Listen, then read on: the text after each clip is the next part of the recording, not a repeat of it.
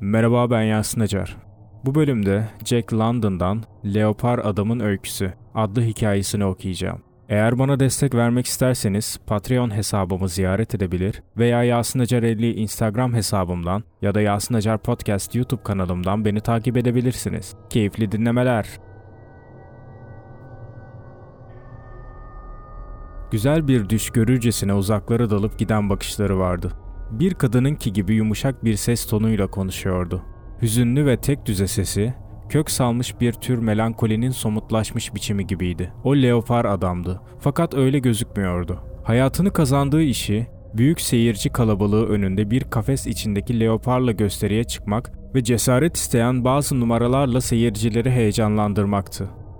İşverenleri uyandırdığı ilgi ve heyecan ölçüsünde ödüllendiriyordu onu. Söylediğim gibi onun leopar adam ünvanıyla bağdaşır bir görünümü yoktu.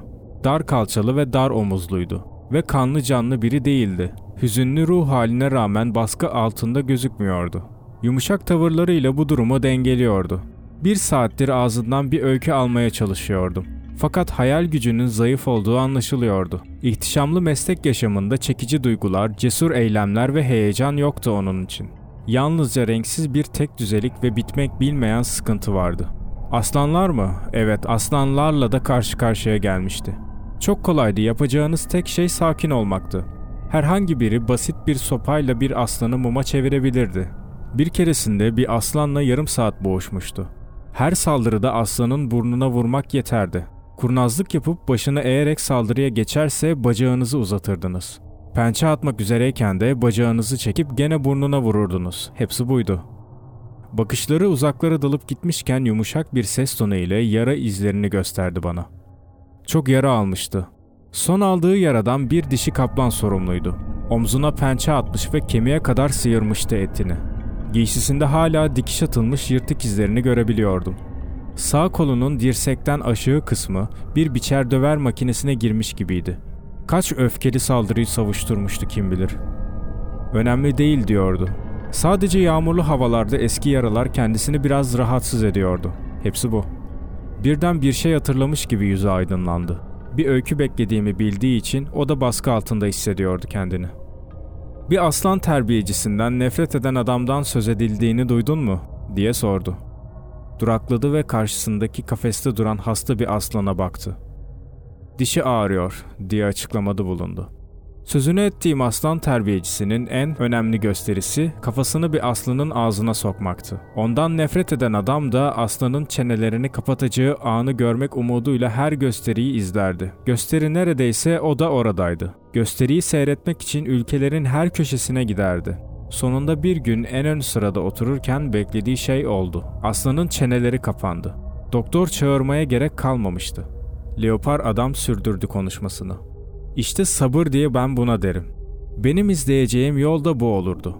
Fakat tanıdığım biri böyle yapmadı. Kılıç yutma, bıçak atma ve el çabukluğu gösterme numaraları yapan ufak tefek Deville adında bir Fransızdı. Güzel bir karısı vardı. Kadın trapezciydi. Çadırın tepesinde yere yakın bir ağa dalış yapar ve atlarken de seyircilerin çok hoşuna giden bir dönüş hareketi gerçekleştirirdi. Döville'in eli ne kadar çabuksa bir kaplanın pençesi gibi çabuktu, sağı solu da o kadar belli olmayan biriydi. Bir gün sahne şefi kendisine kurbağa yiyen ya da daha kötü bir başka bir isimle seslendiği için adamı seyircilerin önünde gösterisinde kullandığı yumuşak çam panoya doğru itmiş ve beriki daha ne olduğunu anlamadan onu bıçak yağmuruna tutmuştu. Adamın her yanını kuşatan bıçak vücuduna öyle yakın saplanmıştı ki elbisesinden panoya çivilenip kalmıştı.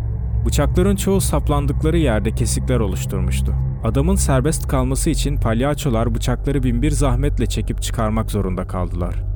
Adam öylesine mıhlanıp kalmıştı ki tahtaya, bu olaydan ötürü bundan böyle herkes Deville'den çekinir oldu. İş ve bas karısıyla karşılaştıklarında da nezaketin ötesine geçmeye cesaret edemediler. Gel gelelim Wallace adında bir adam vardı. Hiçbir şeyden korkmazdı o. Aslan terbiyecisiydi. Kafasını aslanın ağzına sokma numarasını o da yapardı. Sirkteki aslanların herhangi biriyle yapabilirdi bu numarayı. Ama o her zaman güven duyduğu iyi huylu Augustus'u tercih ederdi. Dediğim gibi Wallace, biz ona Kral Wallace derdik. Canlı ya da ölü hiçbir şeyden korkmazdı. Bir kraldı o, yerindeydi bu ünvan. Bir keresinde onu sarhoş bir halde bahse tutuşurken görmüştüm. Bahsin konusu saldırganlaşmış bir aslanın kafesine sopasız girip onu sakinleştirmekti. Yaptı bunu. İçeri girip hayvanın burnuna bir yumruk atıp bahsi kazandı. Bayan Deville tam o sırada arkamızda bir gürültü koptu. Leopar adam sakin bir tavırla dönüp baktı. İki bölmeli bir kafeste bir maymun öne yağını ortadaki bölmenin dışına çıkarmıştı. Komşu bölmedeki bir kurt da onu yakalamış, olağanca gücüyle çekiştiriyordu. Maymunun ayağı neredeyse kalın bir plastik boru gibi uzamıştı. Diğer maymunlar bağırışıp duruyorlardı. Hiçbir bakıcı yoktu ortada. Leopar adam birkaç adımda kafese ulaştı ve yanında taşıdığı hafif bir bastonla kurdun burnuna sert bir darbe indirdi. Sonra yanıma dönüp hiç kesinti olmamış gibi yarım kalan konuşmasını sürdürdü. Evet, Bayan Deville Wallace'a baktı. Wallace da ona. Bay Deville de asık suratla her ikisine. Wallace'ı defalarca uyardık ama hiç aldırmadı. Yüzümüze güldü. Bir gün Deville'ı gülünç duruma düşürüp ona da güldü. Canı kavga etmek istediği için Deville'in kafasını içinde hayvan yemi olan bir lapa kovasına sokmuştu. Deville'in üstü başı berbat olmuştu. Temizlenmesi için yardım ettim. Çok sakindi. Tehdit falan savurmadı. Fakat vahşi hayvanların gözlerinde sık sık gördüğüm türden bir öfke parıltısı gördüm gözlerinde. Wallace'ı son kez uyarmaya gittim. Yine güldü.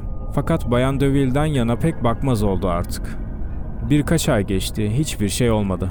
Olayın unutulduğunu düşünmeye başlamıştım. O sıralar batıda bulunuyorduk. Gösteri yerimiz San Francisco'ydu. Öğleden sonraki gösteri sürüyordu. Koca çadır kadın ve çocuk doluydu. Çakımı alıp geri vermeyen çadırcı Kızıl Deni'yi arıyordu. Kıyafet değiştirme çadırlarından birinin yanından geçerken Deni'yi görebilmek umuduyla bir delikten içeri göz attım. Orada yoktu ama tam önünde Kral Wallace duruyordu. Giyinmiş kafese gitmek için sırasının gelmesini bekliyor, bu arada da büyük bir keyifle birkaç trapezcinin ağız dalaşını izliyordu. Çadırdaki diğer kişiler de aynı şeye yoğunlaşmışlardı. Deville'ın dışında. Onun gizlemeye gerek duymadığı bir nefretle Wallace'a baktığını gördüm. Wallace ve diğerlerinin tartışmadan başka olup biten bir şey görecek halleri yoktu. Fakat ben o çadır deliğinden Deville'in ne yaptığını gördüm. Cebinden mendilini çıkardı. Terini kurulayacakmış gibi yaparken aynı anda Wallace'ın arkasından geçti. Hiç durmadı mendilini bir an sallayıp doğruca çıkışa gitti. Çıkmadan önce orada durup arkasına baktı bir an. Bakışı beni tedirgin etmişti. Çünkü yalnız nefret değil zafer de vardı bakışında. Döveyli ziyaret etmek iyi olacak diye düşünürken onun sirkin giriş kapısından dışarı çıkıp şehir merkezine giden bir arabaya bindiğini görünce biraz rahatladım. Birkaç dakika sonra büyük çadıra girip Danny'i buldum. Wallace gösterisine başlamıştı. Seyircileri heyecandan heyecana sürüklüyordu. Özellikle kötü adamı oynuyordu. Aslanlar iyice öfkelenip dişlerini gösterinceye kadar kışkırtıyordu hepsini. Yani Augustus'un dışındakileri. O hayvan hiçbir şeyle kışkırtılmayacak kadar yaşlı, şişman ve tembeldi. Sonunda Wallace, kampçısıyla yaşlı aslanı dizlerinin üstüne çökertti ve esas numarası için hazır konuma geçirdi onu. Yaşlı Augustus uysal bir tavırla gözlerini kırparak ağzını açtı ve Wallace da rahatça soktu başını. Sonra çeneleri kapanı verdi. Bir çatırtı çıktı.